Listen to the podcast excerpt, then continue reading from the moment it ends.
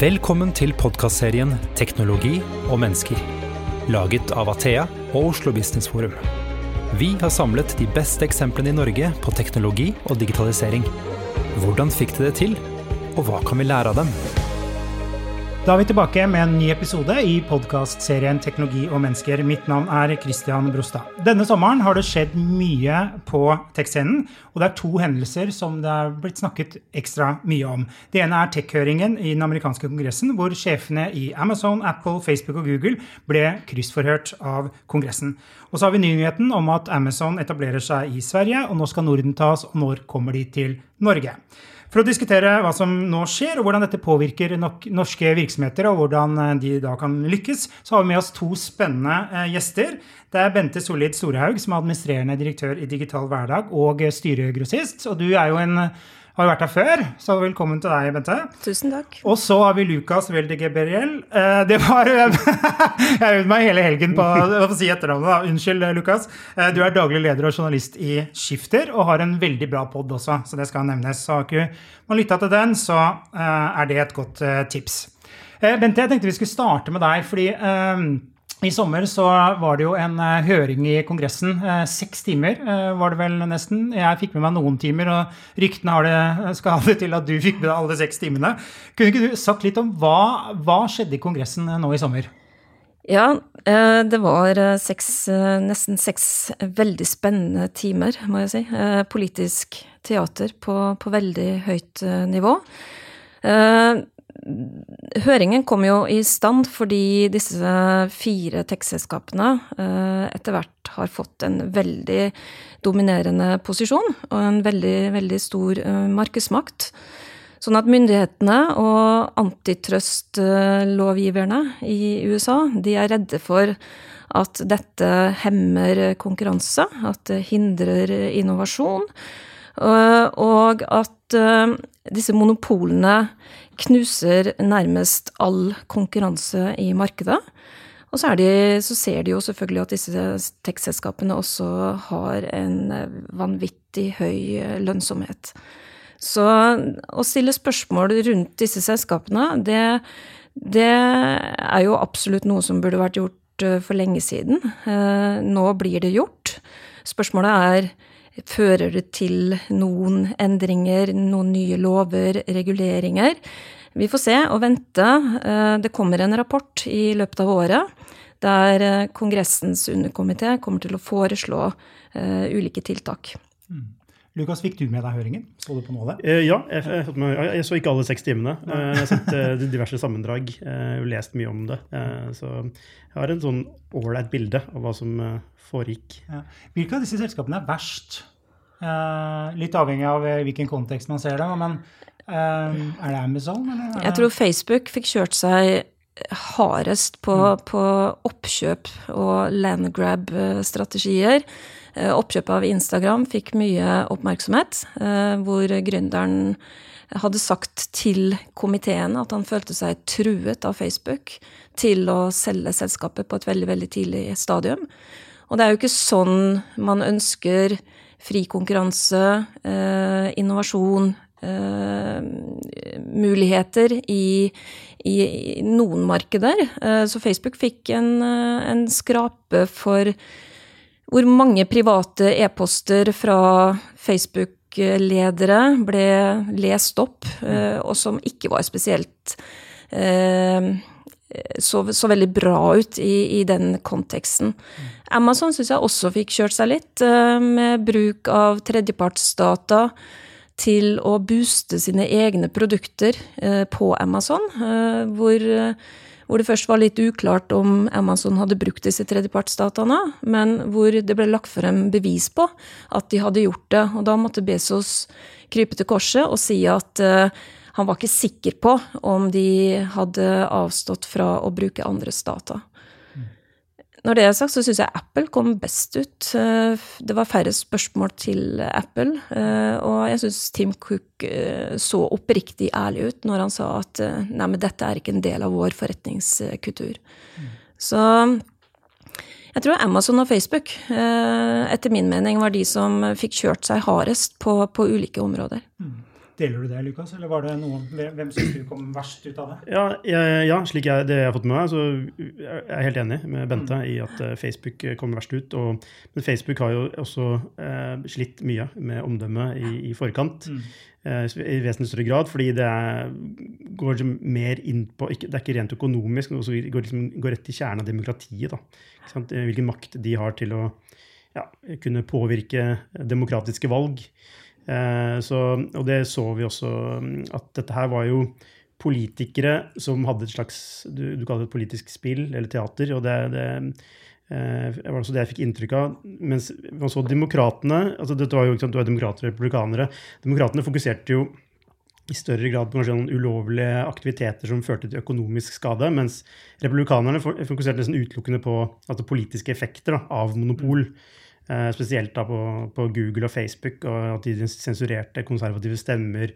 Eh, som da de mente hadde en positiv effekt for demokratiske kandidater ved valg. Eh, vi hadde jo hele greia med Cambridge Analytica, Facebook, så de har, gjort, de har, gjort, en del ting for å på en måte, komme litt sånn ovenpå igjen. Men mitt, mitt totale inntrykk var at dette egentlig ikke var noe sånn utspørring for å faktisk finne ut av noe. Altså alle hadde, alle hadde på forhånd bestemt seg hva de mente, og alle mente at det, dette var monopol. Og det var mer altså, eh, statements da, enn spørsmål.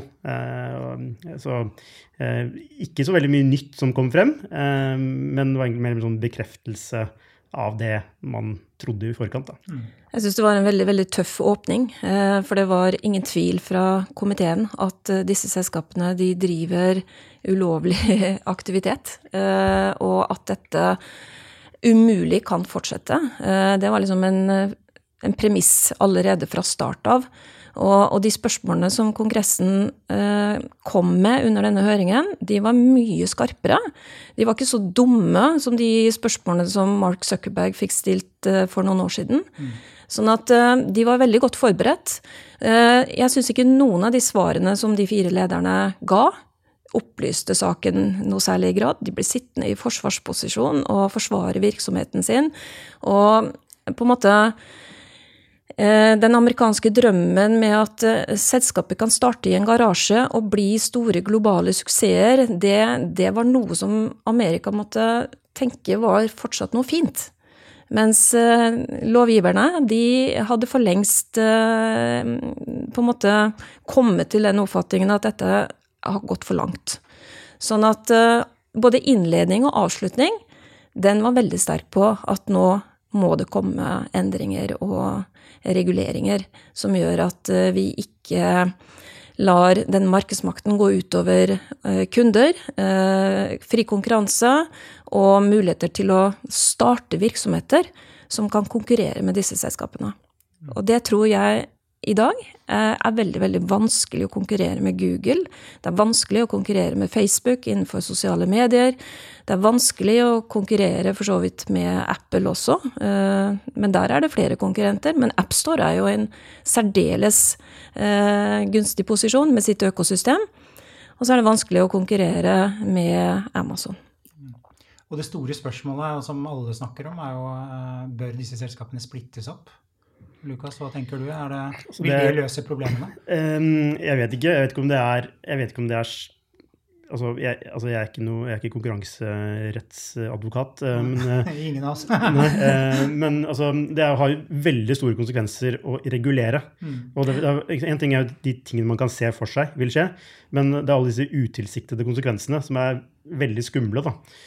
Så jeg, jeg er usikker på om det er riktig å splitte dem opp. Ehm, det jeg tror kanskje kommer til å skje, er jo kanskje begrensninger i eh, deres eh, altså, evne til å kunne utvide ytterligere, altså begrense oppkjøp kanskje i fremtiden. Um, og, så, og, så, er det sant, hvem, er du, hvem er du spør om dette? da? Spør du en forhandler som selger gjennom Amazon og som gjør det bra? Vil han ønske at Amazon skal reguleres? Mest sannsynlig ikke. Men spør den en som måtte bli utnytta med tredjeparts Hvor altså Amazon bruker dine data for å lage produkt som konkurrerer mot deg. Eh, det samme har du i AppStore, med, mellom altså Apple Music og Spotify. Eh, så liksom, vil du få et annet svar. da. Um, og så er dette, som jeg syns er mest interessant, det er dette, dette geopolitiske perspektivet da, eh, med, med Kina. Mm. Som, eh, nå utfordrer det, sånn, det amerikanske teknologihegemoniet. Mm. Eh, og skal det da som politiker vingklippe amerikanske selskaper i den, altså den geopolitiske kampen. Så jeg, jeg, jeg, er veldig usikker på om det blir så tøffe reguleringer altså, i, et, i et sånt perspektiv. Men det, kan, det, jeg tror kanskje kan skje i større grad, er, eh, og som du har sett tegn til, er f.eks. at Amazon har blitt regulert ganske kraftig i India. Altså Du får mer lokale og altså Europa ga jo, eh, ga jo Google en eh, rekordbot på mm. Hvor mye er det? 1,5 milliarder euro, tror jeg. Mm. Um, at du får altså ikke, ikke, De blir ikke regulert i USA, men de vil bli regulert andre steder i verden hvor det, ut, altså hvor det påvirker konkurranseevnen til lokale selskaper. da. EU har jo slått ned på disse selskapene flere ganger eh, og gitt eh, store bøter. Men når jeg satt og hørte på høringen, så tenkte jeg dette er jammen det fra amerikanske myndigheter et ganske tøft eh, grep å ta. Altså kringkaste en høring for hele verden, hvor de tar tak i sine mest suksessfulle, verdens mest verdifulle selskaper, og setter de ganske så hardt på plass. Og, og sier at dette kan vi ikke leve med. Eh, det var veldig veldig spesielt å, å, sitte og høre på. Når jeg tror sånn Antitrust-lovgivningen den regulerer jo også uheldige koblinger og avtaler som på en måte eh, spiller ut konkurrenter. Altså, jeg tenker kanskje det er Hvis man skal bryte opp disse selskapene, så er det å se på alle de koblingene som gjør at det er nesten umulig for andre å komme inn å etablere eh, nye produkter, nye tjenester, nye selskaper. Sånn at eh, Jeg tror ikke USA gjør dette fordi de tenker på resten av verden. De, de ser at dette her begynner å bli et problem innenfor eh, sine egne stater. At de skulle ha sett bedre vilkår for innovasjon. De skulle ha sett bedre vilkår for ny verdiskapning, som, som disse selskapene i dag eh, på sin dominerende måte er med på å hindre. Mm. Det er mye, det er mye, mange av de selskapene har jo veldig sterke nettverkseffekter som gjør det i praksis umulig å, å, komme inn, selv om du skulle ønske altså Selv om man kan si ja, men du kan bruke et alternativ, altså f.eks. Messenger da, eller WhatsApp. altså Når alle bruker det, så kan du liksom ikke bare starte noe annet. fordi altså, det er der alle er. Eh, og det er veldig krevende å gå fra et nettverk, altså et produkt som har nettverkseffekter, til å komme med en konkurrent. Mm. Så det er, ja, man kan stille spørsmålet ja, man kan ikke bare gjøre noe annet, som du eh, har stilt tidligere, Kristian. Mm. Eh, og nei, svaret er nei, det er ikke bare å gjøre det. Eh, så eh, jeg vil si det er et veldig krevende utgangspunkt. Altså, men jo, annet, et annet poeng jeg tenkte på, var jo dette med Kalt, altså, man, øh, noen selskaper blir jo definert som sånn utility companies. ikke sant? Selskaper som leverer sånn essensiell infrastruktur, altså strøm, vann, alle disse tingene. Uh, og man kan jo begynne å hevde at disse selskapene her er i ferd med å bli en del av infrastrukturen vår. Mm. Uh, og hvis så er, uh, så er det jo mye større sannsynlighet for at det blir regulert, på en måte. Mm. fordi du ønsker, jo, du ønsker jo politisk kontroll med det som er essensielt for at et samfunn skal fungere. Det er mange dilemmaer rundt disse selskapene. For jeg må jo innrømme at jeg er en superbruker av i hvert fall Facebook og Google og Apple. Ikke så mye Amazon, for der, der fins det veldig gode alternativer for, for min del. Mm. Men eh, når man Jeg leste en artikkel i, i, New York Times like etter høringen hvor en journalist skulle prøve å leve uten disse selskapene. Eh, se om hun kunne klare seg.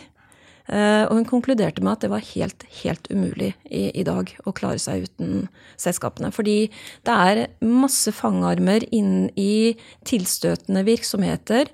Sånn at det å bestille noe fra eBay, det ble også umulig hvis du blokkerte disse fire selskapene. Fordi nettverket rundt de, eh, konglomeratet av avtaler og eh, forbindelser mellom disse og mange andre selskaper er blitt så store at eh, det er helt umulig. Så jeg står opp. Før jeg står opp hver eneste dag, så har jeg brukt Facebook, jeg har brukt Google, Microsoft også. Eh, Apple eh, selvfølgelig, fordi alt jeg har av teknologi, det kommer fra Apple. Eh, og mange av disse selskapene de hostes hos Amazon. Sånn at før jeg setter bena på bordet, nei, på gulvet, så har jeg også brukt alle. På bordet ja. Og før jeg går og legger meg, så har jeg vært jeg kaller en superbruker av alle. Jeg navigerer, jeg handler, jeg deltar i diskusjoner, møter, eh, kanskje holder foredrag via disse plattformene. Mm. Så de er jo med på å skape mye eh, mange muligheter for både etablert næringsliv, også gründere, startups. Eh, men det er selvfølgelig det store spørsmålet har vi kommet så langt at det har tippet over og blitt for mye. Spørsmålet man kan stille seg er jo om er det, er det noe annerledes ved disse selskapene, disse tech-gigantene, enn det vi har hatt av tech-giganter tidligere. Bente, hva, mm. hva, tenker du om det? Nei, Microsoft uh, var jo gjennom en runde for en del tiår siden. At man mente at Microsoft hadde blitt for store. Nei, jeg tror det vi ser i dag, er annerledes. Eh, det er basert på disrupsjon. Det er basert på etablering av helt nye forretningsmodeller. Det er basert på eh, etablering av digitale økosystemer. Det er for alvor på en måte basert på at man samler data, man anvender data, man skaper nye muligheter gjennom eh, håndtering av, av eh, kundedata. Så jeg tror ikke vi har sett Eh, dette tidligere. Antitrust har jo historie helt tilbake til jernbaneutbyggingen i, i USA. Men det vi ser nå, det er i en særklasse noe eget. Og innovasjon har ofte en tendens til å løpe raskere enn det myndigheter både forstår, eh, har mulighet til å håndtere, eh, regulere. Sånn at når, når den virale effekten begynner å gå, og man begynner å bøndle tjenester. Amazon er jo ikke bare en retailer, det er jo en stor medievirksomhet også, med strømming av musikk og film. Og når du da begynner å bøndle disse tjenestene, og begynner å få kundene til å betale up front, eh, abonnementsinntekter, for å være en del av masse forskjellige goder, da tror jeg de etablerte aktørene de, de, har ikke den samme muligheten. De kan ikke liksom skreppe alt det de har, verken i mediebransjene eller i varehandelen. Sånn at de, de kommer til kort eh, veldig ofte i forhold til å etablere tilsvarende tjenester. Hva blir enden på visa her, tror dere? Lukas? Blir det Jeg tror uh, jeg, altså Dette er jo bare spekulasjon fra min side. Uh, ja. så, men, men, jeg tror altså, man, før, altså, jeg, jeg, tror det, det, lovverket man bruker, altså det reguleringslovverket man bruker, egentlig er litt sånn utdatert for å regulere denne type aktører som vi ser i dag. Da. Så jeg tror først og fremst at det vil skje lovendringer som kan, være, som kan treffe mer presist Eh, for det å splitte opp et selskap, altså de store grepene er kanskje for um, omfattende og for, for massive. Um, så jeg, jeg, jeg, tror i hvert fall først og fremst på det. At man får endret lover, altså man får regulert sine egne lover først, og så kan man da gjøre mer sånne kirurgiske inngrep da, der hvor det er markedssvikt. Men også tror jeg veldig på at, som jeg var inne på i stad, at Eh, områder utenfor USA i større grad vil regulere. Altså, vi har et eksempel på GDPR, mm. Eh, som EU har gjort som, USA er jo ikke der i det, i det hele tatt. Um, så, og flere sånne regionale og lokale initiativer. Da. Det vil, men det gjelder også andre veien mot Kina. Med, så de har jo store selskaper som Ali Alibaba, Alipay, Tencent, uh, TikTok ikke minst, mm. uh, som, som, Facebook peker på. For alt det har vært. Som også, altså du, ja, man, man har begynt å snakke om regulering av TikTok, og man ser på også det i Europa. Uh, og man får nå Microsoft vurderer å kjøpe TikTok, som det har strandet. man har, ser nå alternativer som dukker opp. Facebook skulle lansere noe, eller hadde prøvd å lansere noe.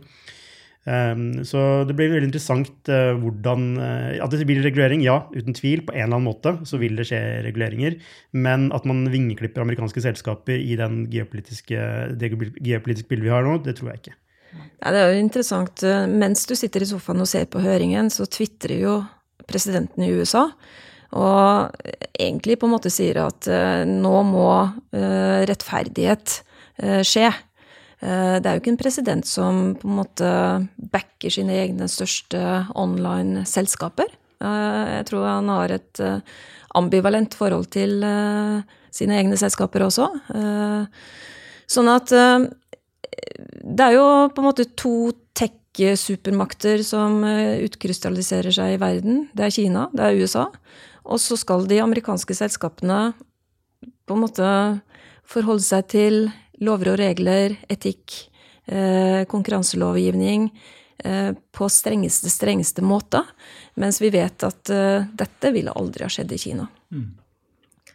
Så Europa ligger jo midt imellom. Jeg sier Europa er en regulatorisk supermakt.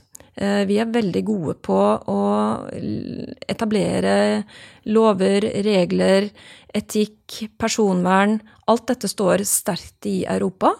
Eh, men vi har ingen av disse online-plattformene. Så vi har måte, mislykkes med å skape nye digitale, store, globale virksomheter. Eh, det skjer i Kina, det skjer i USA. Eh, der bør Europa gå litt i Tenke hva er det vi Hvorfor klarer ikke vi dette på samme måte? Og så er det et sånn håp, da at hvis personvern betyr noe, og bærekraft betyr noe, og kvalitet betyr noe, så, så, vil vi kunder etter hvert skjønne at det kan hende at flere europeiske selskaper, den europeiske tenkningen, den er ikke så dum. Mens det vi gjør i dag, i dag så løper veldig mange etter den som leverer raskest, og den som leverer billigst. Og jeg mener at det vi står i nå, det er kanskje en brytning med korona, mer og mer eh, forflytning av handel over på nett i perioder hvor vi er begrensa. Eh, det er et verdivalg hvem du kjøper fra, hvem du bruker. Og det tror jeg flere kunne tenkt over eh, nå, eh, og vært litt mer sånn moralsk bevisst. Eh, hvem er det vi egentlig er med på å støtte? Men mannen i gata. ja, ja. Nei, altså, ja, altså, jeg, altså jeg, jeg, jeg, er jo generelt sånn skeptisk til folk. sånn. Eh, og, og, at altså, det er mot den moralen til folket som skal redde oss. Eh, så, og jeg tror mannen i gata egentlig ikke bryr seg om disse tingene. Altså, det blir for høytsvevende. Altså, For mannen i gata så er det viktig bare å få et produkt hjem, eller at ting funker så friksjonsfritt som overhodet mulig. Um, og vi blir stadig mer sedate, syns jeg, også politisk. At vi bryr oss ikke, for at ting går greit. Uh, og da, da, dukker det opp altså, muligheter da, for nettopp denne type ting til å vokse frem. Uh, så spørsmålet vi får altså, om uh, Det kan være mulig at vi kommer når til et kritisk punkt hvor pendelen svinger mm. tilbake. eller at vi er, er, forbi det stadiet og er, må egentlig se på en ny verdensorden. Altså, er det altså jeg føler at demokratiet er veldig under press. Både, altså, det, både, i USA, men også ikke minst i Europa. Mm. Eh, og, og, det er jo noe som eh, både Putin og eh, Kina ikke syns er så problematisk. ikke sant? Altså, det står mellom demokrati og innovasjon, teknologi og, og selskapsbygging. Um, og demokrati er jo ikke effektivt, altså et, et demokrati, men det er legitimt.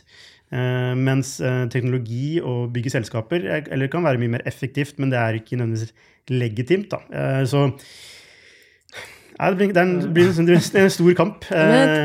jeg tenkte på Jeg har jobbet med den digitale transformasjonen i mediebransjen i mer enn ti år. sittet i styrer, vært del av den bransjen. Og jeg ser hvordan de lederne, hvilken eh, utholdenhet de har. Eh, det er en veldig seigliva digital transformasjon. Den er veldig, veldig komplisert, vanskelig. Du skal liksom flytte mer og mer av leveransen din over på digitale flater, mens du fortsatt en dag i dag har større inntjening på papir og på, de, eh, på trykk og på de gamle områdene. Sånn at det der med å holde på å forsvare de inntektene som skal gjøre deg i stand til å investere digitalt, det er det som vi kaller en digital transformasjon. Og den er ikke et knips, det er ikke noe som skjer over natta. Det er ofte prosesser som tar 10-15 år eh, før du på en måte begynner å se resultater av, av disse transformasjonene. Og de som utfordrer, er jo nye aktører. Det var ingen i mediebransjen når jeg begynte som redaktør på slutten av 80-tallet i en lokalavis. Det var det ingen i den bransjen som tenkte at hele den norske mediebransjen skulle utfordres av to amerikanske selskaper som ennå ikke var påtenkt. Eh, og når, vi kom, når jeg ble godt voksen, så skulle de stikke av med 70% av de digitale annonseinntektene i, i Norge. Vi tenkte jo ikke på internett den gangen heller. Sånn at den enorme utviklingen som har skjedd innenfor den bransjen, og den fantastiske lederjobben som mange norske medieledere har tatt, og, og som fortsatt uh, de står midt oppe i, den har jeg veldig respekt for. Og når vi da kommer inn i en ny uh, disrupsjon uh, av varehandel, som jeg vil si kanskje ligger ti år bak mediebransjen, det er nå varehandelen får sin tøffe utfordrer inn i markedet. Og det er liksom verdens tøffeste konkurrent som kommer til, uh, til, Norden. Det er nå de på en måte skal gå gjennom mye av det samme som medielederne har gjort i, i, mediebransjen. Mm. Og da tenker jeg at jeg kunne ikke vært foruten norske medier. Altså hvis norske medier hadde blitt disrupta bort av Google og Facebook, så vil jeg tenke det var veldig, veldig synd. For demokrati, for kultur, eh, for alt som er eh, viktig i forhold til at vi har redaktørstyrte medier. Og jeg ville tenke også at det var veldig synd hvis all varehandel i Norge skulle foregå gjennom utenlandske plattformer. Og Det er jo en fin overgang til, til neste mm. tema, så takk for den, Bente. Eh, for det har jo, Man har jo snakket om at nå kommer Amazon etter flere år. Eh, men nå kom det jo i sommer en eh, pressemelding Eh, hvor de etablerer seg i Sverige og har ambisjoner om Norden. Mm. Eh, Før pressemeldingen så var det en artikkel på Skifter som sa det. Selvfølgelig. ja. Fordi vi så på noen stillingsutlysninger. ja. Men uansett, ja. Så det var breaking i, det var breaking i Skifter. I skifter så bra. Eh, hva, er det, Lukas, hva er det som gjør Amazon så geniale? Hvorfor uh, bruker vi alltid det som et eksempel. Hva er det som er så deilig med dem? Nei, altså, Bente var litt inne på det i stad. Men hvis du skal beskrive Amazon, hva, hva, slags selskap er det? Hvis du skal putte det i en kategori. Ja, Du klarer det ikke? Nei, det er fordi at det er i så mange bransjer. da. Ja, det er akkurat det. ikke sant? Og det er, det er litt av det som er styrken til Amazon. Men så vi skal være sånn spesifikke, da, så er sant, de det er fantastiske på, på kundeservice. Det er altså, logistikkoperasjon av dimensjoner. altså Virkelig. Eh, sant, bundlinger som gjør, eh, som gjør det altså, Lager bedre produkter for brukerne, som samtidig holder andre utenfor. Eh, de har altså verdens største utvalg. Eh, og du har ikke minst i USA og andre steder så har du Prime, en tjenesten som, mm. hvor du abonnerer egentlig på abonnerer på frakt, men du får en del til, tilleggsting. Mm. Jeg tror halvparten av amerikanske husstander abonnerer på Prime. Det betyr at du liksom, hvis du kjøper et såkalt produkt som har Prime, så får du gratis levering på to dager, og noen steder samme dag. Uh, og spørsmålet er hva gjør det med konkurransen? Altså, du, kan ikke, du, kan ikke, være utenfor dette. Altså, som en, uh, som en uh, konkurrent til Amazon så kan du liksom ikke se bort fra dette her. Um, men det aller viktigste med Amazon mener jeg da, at det er, et, altså det er, det er et, i bunn og grunn et teknologiselskap, et bunn og grunn et innovasjonsselskap bygget fra bånn med det som med hensikt, da, versus altså, Gressvik, da, sport, som har holdt på i da, 120 år, eller hva det er. Eh, som er et klassisk handels, eh, altså klassisk retailer mm. som skal selge produkter til eh, billigst mulig pris. Um, og når du får en, en, aktør som kan tape masse penger fordi de tjener penger andre steder, altså forretningsmodellen er uklar eller komplisert mot altså konkurrenter, som, eller aktører i Norge som har en veldig enkel forretningsmodell, det er liksom å selge et produkt og ta en liten cut av det. Um, da, da, får du problemer. Så, um, så hva, hvorfor er de så geniale? Jo, fordi de har klart å både eh, altså De har klart å ta det, de har klart å utnytte internett for alt det er verdt, til å ta handelsopplevelsen altså flere steg eh, videre frem. De har klart å, og ikke minst har de klart å bygge såkalte moats, eller mm. vollgraver, som det heter på norsk, eh, som, som, hindrer konkurranse inn. da. Eh, og Jeff Bezos er en veldig smart mann. altså Han, eh, han skjønner dette her og har at de bruker, jeg, ikke, jeg tror de bruker noe sånn som 23 milliarder dollar på R&D hvert år. Mens i Norge i 2017 så brukte vi 7 milliarder dollar på R&D. bare Hele Norge mm. brukte det sammen. Så den, den, altså, den, overlegenheten de har på innovasjon, er, det er kanskje det som er mest krevende, eh, tror jeg, da, for norske aktører. Eh, men eh, om det blir døden for norsk gjenhandel, det tror jeg ikke. Du vet, Amazon i jeg tror det var i 97, så kom de med ett klikk kjøp-teknologien. Mm. Altså lite friksjon, lett å kjøpe. Eh, du ble husket som kunde. Eh, de begynte å personalisere eh, tjenesten sin. De har alltid ligget et altså ikke et hestehode, det har ligget langt, langt foran alle andre konkurrenter. Den ett-klikk-kjøp-teknologien ble jo så viktig ikke minst for Apple, som fikk lov til å lisensiere den. Mm. Når vi skulle sitte og kjøpe musikklåter og klikke, så var det liksom ikke en lang prosedyre med eh, kredittkort og, bankkort osv. for å kunne kjøpe en låt. Det var nesten ikke merkbart at du trakk det fra, fra kontoen. Og så har det jo hele tiden bare fortsatt det løpet, ligger langt foran.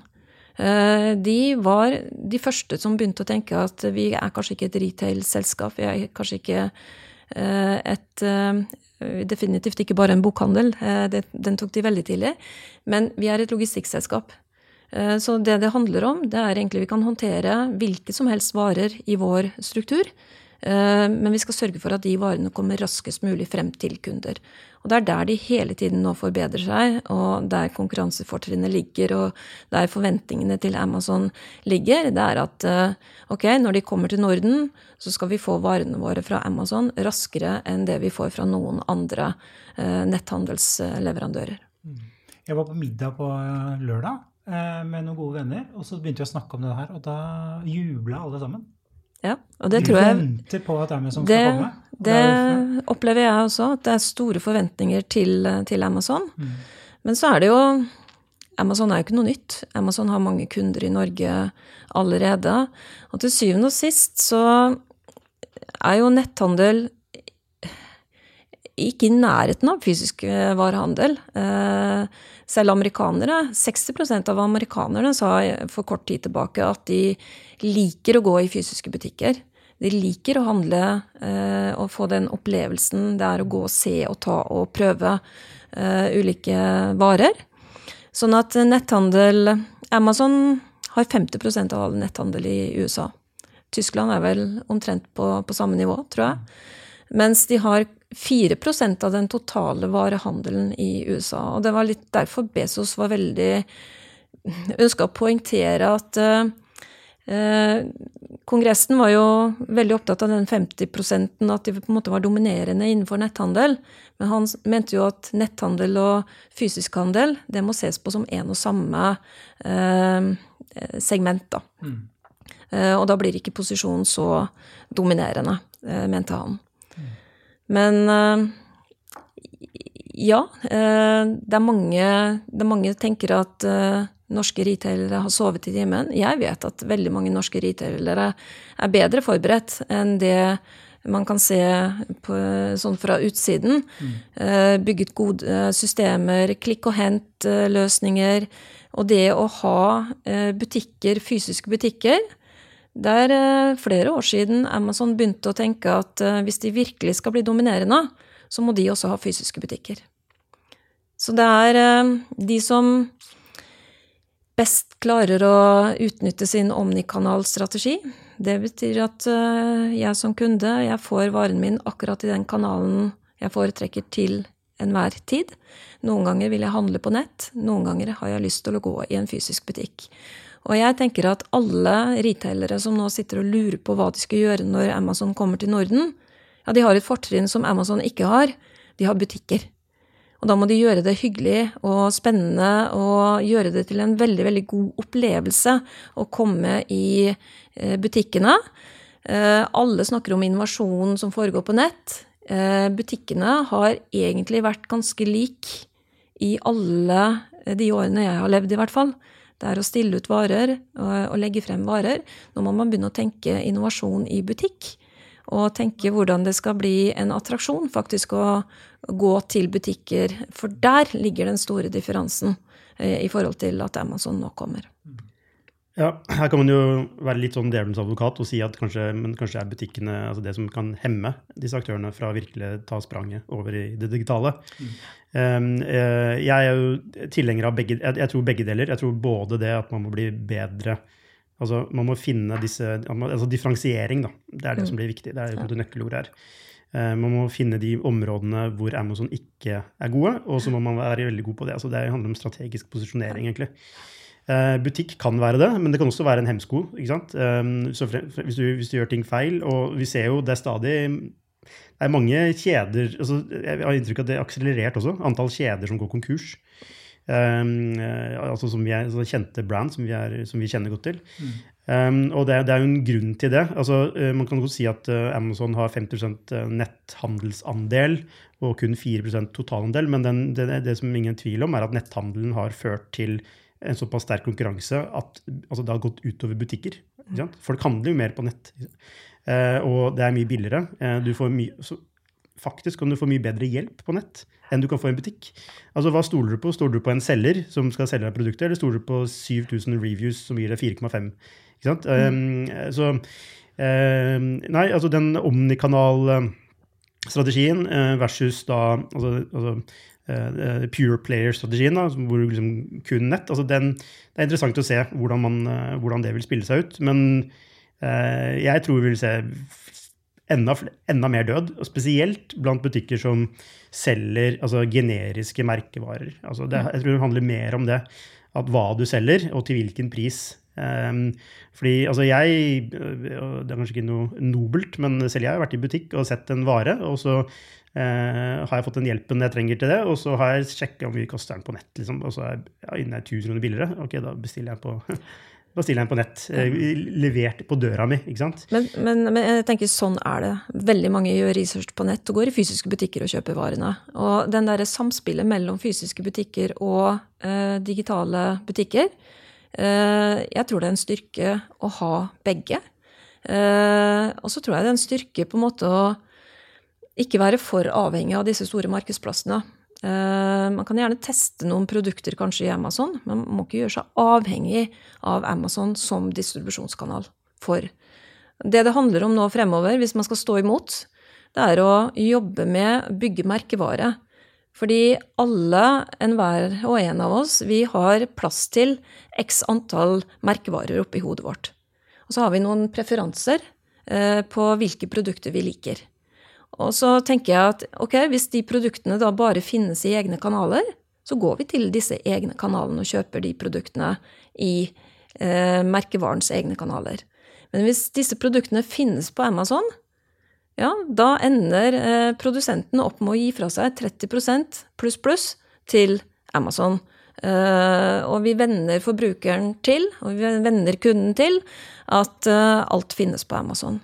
Så det å stå utenfor, eh, tørre å investere i den klassisk gode, merkevarebyggende eh, kommunikasjonsstrategien, differensiere seg Vi trenger mangfold, og det er veldig veldig synd hvis alt ender opp i store markedsplasser. Ja. Um, jeg er enig i mye av det du sier. Altså. Ja. Samtidig så er det jo det er veldig mange som har gjort stor suksess med å selge kun på Amazon. Altså, det er en markedsplass. Altså, jeg vet ikke hva kosten er, avhengig av liksom hvor mye, altså hvor dypt du bruker Amazon. Du kan, skal liksom, vite hva du gjør. Ja, du skal vite hva du gjør. Mm. Eh, du kan liksom bruke Amazon kun som en, et sted hvor du uh, stiller ut varen din, og så håndterer du logistikk selv. Eller du kan også legge ut logistikken til Amazon. Mm. Uh, som gjør at den får prime altså Den får en rekke fordeler, da, også på søkeresultatene osv. Men det er mange som har gjort stor suksess med å være og selge kun på, primært kun på Amazon. Uh, og, så, så, ja, for noen, men spørsmålet er jo for disse merker altså Mange av de retail-brandsene vi har i Norge i dag, da, type Elkjøp, eh, G-sport, uh, Jernia osv., de, selger jo egentlig, de selger jo ikke egne brands. De selger jo primært andres brands. Mm. Uh, hvor man da kan uh, altså, faktisk konkurrere. Altså, det handler om, egentlig om pris. da, ikke sant? Mm. Så uh, når du snakker om merkevarebygging, tenker du da på merkevarebygging av Elkjøp i seg selv, eller tenker du på det å bygge at de må bygge egne brands som er unike? Og hvis så, så blir jo enda flere brands, så blir det enda mer krevende. Nei, jeg tenker først og fremst på Elkjøp som merkevare. At den er veldig høyt eh, Altså godt fremme i panna når jeg skal ha en ny oppvaskmaskin. Og så må jeg skjønne hvilket løfte Elkjøp gir meg som kunde. Altså, hvorfor eh, er det bedre for meg å kjøpe en vaskemaskin på Elkjøp på Skøyen enn å bestille den på Amazon? Ja, fortell det. Ja, og for tre uker siden så, så, fikk jeg ikke start på støvsugeren min. Den var tre år gammel. Den var kjøpt på Elkjøp. Jeg kunne bare ta den med meg, levere den på skranken eh, på Skøyen, og så si det er noe gærent. Eh, så får jeg en SMS der jeg kan følge reparasjonens ulike step. Og så får jeg støvsugeren tilbake noen dager etterpå, ferdig reparert. Eh, det kostet meg ingenting. Eh, det var veldig, veldig lettvint å snakke med den rådgiveren. Og så var det en sånn liten diskusjon. Var det på garanti dette, eller var det ikke på garanti? Og så er det den dialogen vi har, som egentlig avgjør hvordan dette eh, kommer ut. Og jeg har opplevd veldig veldig mange ganger Jeg kjøpte kajakk til meg og sønnen min i sommer på XXL. Eh, det å få en god rådgiver i butikk som kan fortelle at eh, hvis dere skal bruke den kajakken sammen, så er dette en veldig, veldig fin kajakk. Og så fikk jeg 800 kroner i rabatt på en padlåre, padleåre som hadde vært levert tilbake til butikk, som sto der, som var prisa ned fra 1000 til 200 kroner. Det ville jeg ikke fått på nett. Det fikk jeg i butikk. Men ja, da blir den operasjonen en differensiering, da? Det blir en, eh, ja. Eh, rådgivningen, eh, vil jeg si. De, de som møter deg med, med, god fagkunnskap når du skal kjøpe type kajakk, støvsuger, hvitevarer, brunvarer. Altså, den rådgivningen, det å hjelpe deg til å finne det beste produktet. Du kan gjøre masse research på nett og gjøre det selv, men så er det sånne spørsmål Har jeg da lyst til å få noen gode råd? Høre litt hva de, fagfolk i en butikk faktisk kan uh, fortelle om det produktet. For den kajakken så var det helt uh, essensielt uh, for meg. Jeg hadde ikke noe gode kunnskaper om kajakk i det hele tatt. Så det å få snakke med noen, enten jeg hadde gått til en spesialbutikk eller til XXL, det var for meg helt avgjørende. Um, ja, du, nå, du, peker på to ting her nå. Uh, det ene er uh, da kundeservice, uh, og det andre er altså, kunnskap om produkt. altså det vil si utvidet kundeservice, men mer sånn altså, hvilke produkter bør jeg kjøpe? Kan faktisk deale bedre i en butikk enn på nett, altså. Kanskje. Det er ikke noen rabatter å få. ja, jo, men det er den skal, det, det, Spørsmålet om det skalerer. ikke sant? Um, altså Det enkelttilbudet man får i butikk, altså den, den, altså den tilfeldigheten altså, Spørs om det skalerer, da. Men, men det første, til første poenget ditt med kundeservice så Hvis man tenker at kundeservice er det man skal konkurrere mot Amazon på, så tror jeg mange kommer til å kanskje gå på en smell. for det, hvis, det noen, hvis, det er noen, som er dyktig på kundeservice, og hvor det er no questions asked, og de bare fikser det for deg, altså enda bedre. Hvis du har et problem med en vaskemaskin, da, eh, så er det så kommer de, henter vaskemaskinen, kommer med en ny vaskemaskin. Eh, eller, eller, eller støvsuger. ikke sant? Det er, det er en mye enklere operasjon og bare at noen kommer og plukker opp varen eh, som er defekt, og fikser den.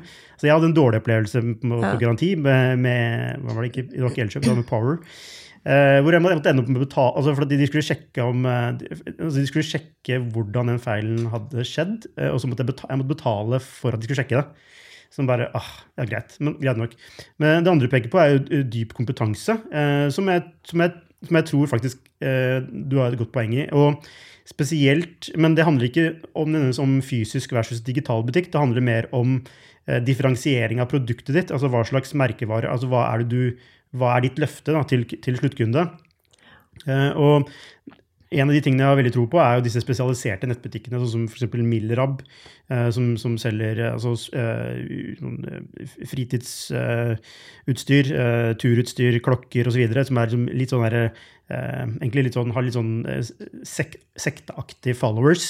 Du har hvilke andre sånne Fjellsport, da, som man tidligere Eh, altså Komplett.no-gründeren, Erik Santrø, eh, som har veldig fokus på eh, turutstyr, og som kan ha mye kompetanse på det. de som klarer å differensiere seg på det, tror jeg kan ha en sjanse mot Amazon. For Amazon kan ikke være god på alt. Altså de er, det de er gode på, er å ha alt, men de kan ikke være gode på og, dybden i produktene. Da. Uh, så der er jeg helt enig med at den, en differensiering må skje rundt det. Men, men så kommer dette med, med sant, tilbud og pris. Sånn, det er litt mer usikker, for det er, der, der, tror jeg faktisk Amazon har et liksom større fortrinn i form av at de kan kjøpe inn i mye større bulk da, eh, enn det andre kan, og kan presse prisen ned. Så hvis du skal ok, å konkurrere på pris, tror jeg ikke er en smart strategi, eh, men gå 100% inn på differensiering, og kanskje til og med kanskje egne merkevarer. Da. At du, har, du, utvikler egne merkevarer som kun kan kjøpes hos deg, som du også nevnte i stad, mm. Bente. Men jeg tenker eh, fysiske butikker, hva kan de brukes til i, i dag? Jo, de kan brukes til markedsføringshuber. Uh, hvis produktene dine uh, selges gjennom fysiske butikker, men også er tilgjengelig på nett, så vil det være slik at ok, når jeg blir vant til, og jeg vet f.eks. at medium er min størrelse, jeg vet hvordan disse fargene ser ut, så kan man rekruttere kunder til å bli online-kunder mens de er i butikk. Eh, ved å eh, la de få bli en del av et fordelsprogram, en kundeklubb, hvor, eh, hvor man samtykker i at jeg kan bli kontakta når gode tilbud kommer senere. Så vil man se at man gradvis rekrutterer kunder som, som veksler mellom fysisk butikk og online netthandel. Jeg tror ikke Altså, for meg er det helt utenkelig at jeg bare skulle handle enten online eller fysisk. Jeg vil handle begge steder. Og jeg vil bestemme meg selv når det er mest hensiktsmessig for meg å gå i en butikk eller handle via nettet.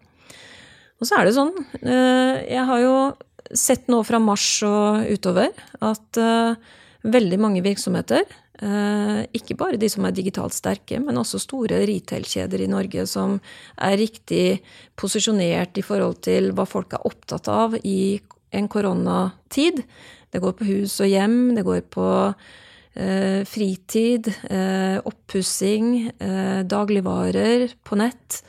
Eh, vi har jo fått en lynopplæring i hvordan digital netthandel kan fungere, hvor fint det kan være, hvor lettvint det kan være. At vi kan eh, beskytte oss bedre ved å sitte hjemme og få levert på døra. Så det har jo vært en fantastisk oppsving i, i mange selskaper eh, de siste månedene. Ikke bare på nett, men også i fysiske butikker. Mm.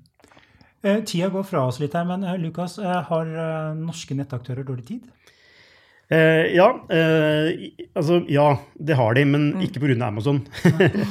eh, og, det, og, det, er heller ikke for seint. Eh, altså, altså, det er dårlig tid eh, fordi altså, jeg mener at den største utfordringen til norsk nett, altså norske altså En ting er norske netthandelsaktører, altså, eh, som, det er én ting, men en annen ting er jo altså, norsk, norsk, retail generelt. Mm.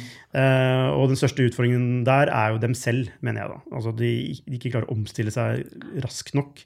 Uh, altså Det fins finnes mange andre konkurrenter uh, enn Amazon, uh, men det er noe med måten de er organisert på internt. Evne til å kunne lage nye produkter kjapt. hvordan de bruker data i, osv. Uh, og ikke minst strategisk posisjon, merkevarebygging etc. etc. Så du ser jo nå nye norske netthandelsaktører som, som utkonkurrerer de altså helt sånn astronomisk i forhold til hvor mye pris, eller hvor kost per bruker da, eh, å, å, få en. Og så har jo de, de har en, altså, Tilbake til fysisk butikk. Da, altså det er jo en kost da, det er en kost med fysisk butikk og, personal, og personale eh, som er en sånn basiskost. Så du må altså jeg, jeg, jeg tror jo at Amazon kommer til å de kommer til å ta en andel. Vi vet ikke hvor stor andel, men de kommer til å ta en andel. Så noen vil jo bli pressa ut. Altså, det er ikke sånn at eh, alle klarer å omstille seg. Alle klarer dette her. Eh, men det er den derre Jeg tror du pekte på det tidligere Bente, men det er en evnen til å kunne satse eh, fremover på noe som ikke gir en sånn eh, kortsiktig gevinst, men som gir en langsiktig gevinst, samtidig som du klarer å melke det eksisterende for alt det er verdt. da. Evnen til å kunne balansere de to tingene, som er ekstremt vanskelig. Uh, altså det er jo den derre Innovators uh, dilemma til uh, Clayton Christensen. Mm. Om det å Skal du fokusere på noe som er up and coming i dag, eh, men som, hvor kundene dine ikke er i dag, men som kanskje er i morgen? Mm. Eller skal du fokusere på der kundene er i morgen, og ikke ha en inntjening i dag? For altså, oppsiden er ukjent. da. Eh, det dilemmaet der har jo alle etablerte selskaper, men eh, det er, det er et dilemma som ikke-etablerte selskaper ikke har. og så jeg mener jo ja, norske handelsaktører har dårlig tid i form av å endre på, altså komme i en slags konstant endringsmodus fra å være sånn tenke at slik er det, og slik kommer det til å være. Men det er inntrykk at flere også eh, eh, ser. Men det er krevende, fordi det er altså det, må, det går helt opp til toppledere og til, til styret? Eh, og, og, til slutt til aksjonærene, på evnen, eller også viljen til å tape penger for å tjene penger, som det er egentlig det det handler om. Mm. Det er eh, det klassiske bremse og gi gass eh, samtidig. Og så finne akkurat den gode balansen. Men den største feilen med de som mislykkes, er faktisk at de glemmer at de har masse inntekter de må forsvare. De hopper for lett inn i det nye, for raskt inn i det nye. Og der er ikke inntektene ennå, fordi mesteparten av inntektene fortsatt er i fysiske butikker. Eh, fortsatt så er det flere inntekter for mediene på de gamle inntektsstrømmene. Så hvis man glemmer det, da kjører man i hvert fall i grøfta. Og eh, en annen ting eh, Det er ikke Amazon som bestemmer at nå skal vi inn og ta det nordiske markedet. Det er faktisk du og jeg og alle kunder som skal gjøre fremtidige eh, valg. Eh, hvor er det vi kommer til å kjøpe varene våre? Det er en kamp om hvem som på en måte yter best service, hvem som på en måte gir den beste opplevelsen. Og det må man ikke glemme. Det handler ikke bare om teknologi. Det handler veldig mye om oss mennesker, oss folka, som skal møte kunder. Og hvis kundene får en følelse av at dette er bedre for meg enn å gå på nett og kjøpe fra et stort amerikansk selskap, ja, da er den viktigste jobben gjort. Bare et lite tilleggspoeng. Altså, det er jo heldigvis blitt bedre, men det er, det er jo liksom kronglete å betale på norske grensebutikker. Så nå har flere fått VIPS, så du kan vippse, men uh, ofte er det sånn at du må opp med kort osv. Og, uh, og jeg vil anta at mange, i hvert fall oss, og kanskje mange av lytterne til denne podkasten allerede har et kort liggende inne på Amazon. Fordi vi kjøper bøker altså til Kindle osv. Mm. Og hvor du kan, det, er, det er så sømløst. Bare der allerede altså, så kommer de til det norske markedet med kunder, med kredittkortet lagt inn, som man kan klikke på. sånn one click buy. ikke sant? Eh, så man, liksom, altså, Amazon er i Norge i dag. Det er, ikke sånn at vi, altså, det er ikke sånn at de må begynne å etablere seg osv. De er her. Mm. Eh, så Og det er verdens tøffeste konkurrent. Ja. Altså det er konkurranse i verdensklasse. Det vi har forholdt oss til. Og så kommer de nærmere med lager. Hvor stor forskjell det blir i forhold til uh, levering. Det er vel kanskje der den største forskjellen ligger. Men alle har jo handla på Amazon eh, siden slutten av 90-tallet. Mm. Eh, så det er ikke noe nytt. De har vært der. så det at de kommer til Sverige, etablerer seg der ja, det blir litt opptrapping eh, i Norden. Men eh, det er kampen om kundene. Mm. Det er den som skal vinnes. Litt siste poeng. Eh, og den, altså den, aktøren jeg mener er best posisjonert da, til å kunne konkurrere mot Amazon, er faktisk kolonial.no. Som mm. har en fantastisk logistikkoperasjon.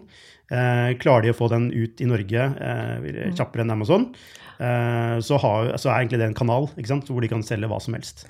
Og det er morsomt at det er et oppstartsselskap. Og eh, når vi da snakker om kolonial, eh, så forrige podkast i Oslo Business Forum som jeg deltok i, var jo sammen med Carl mm. i Kolonial.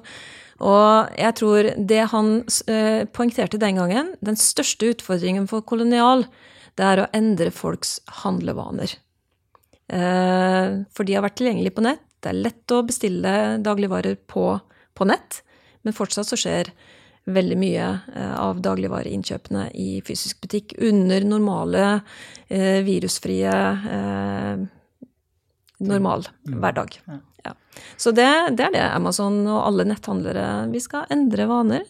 Det skjer gradvis, det skjer ikke over natten. Alle har tid til å i hvert fall eh, møte denne konkurransen, men de må øke forståelsen for hva den digitale netthandelen representerer av muligheter.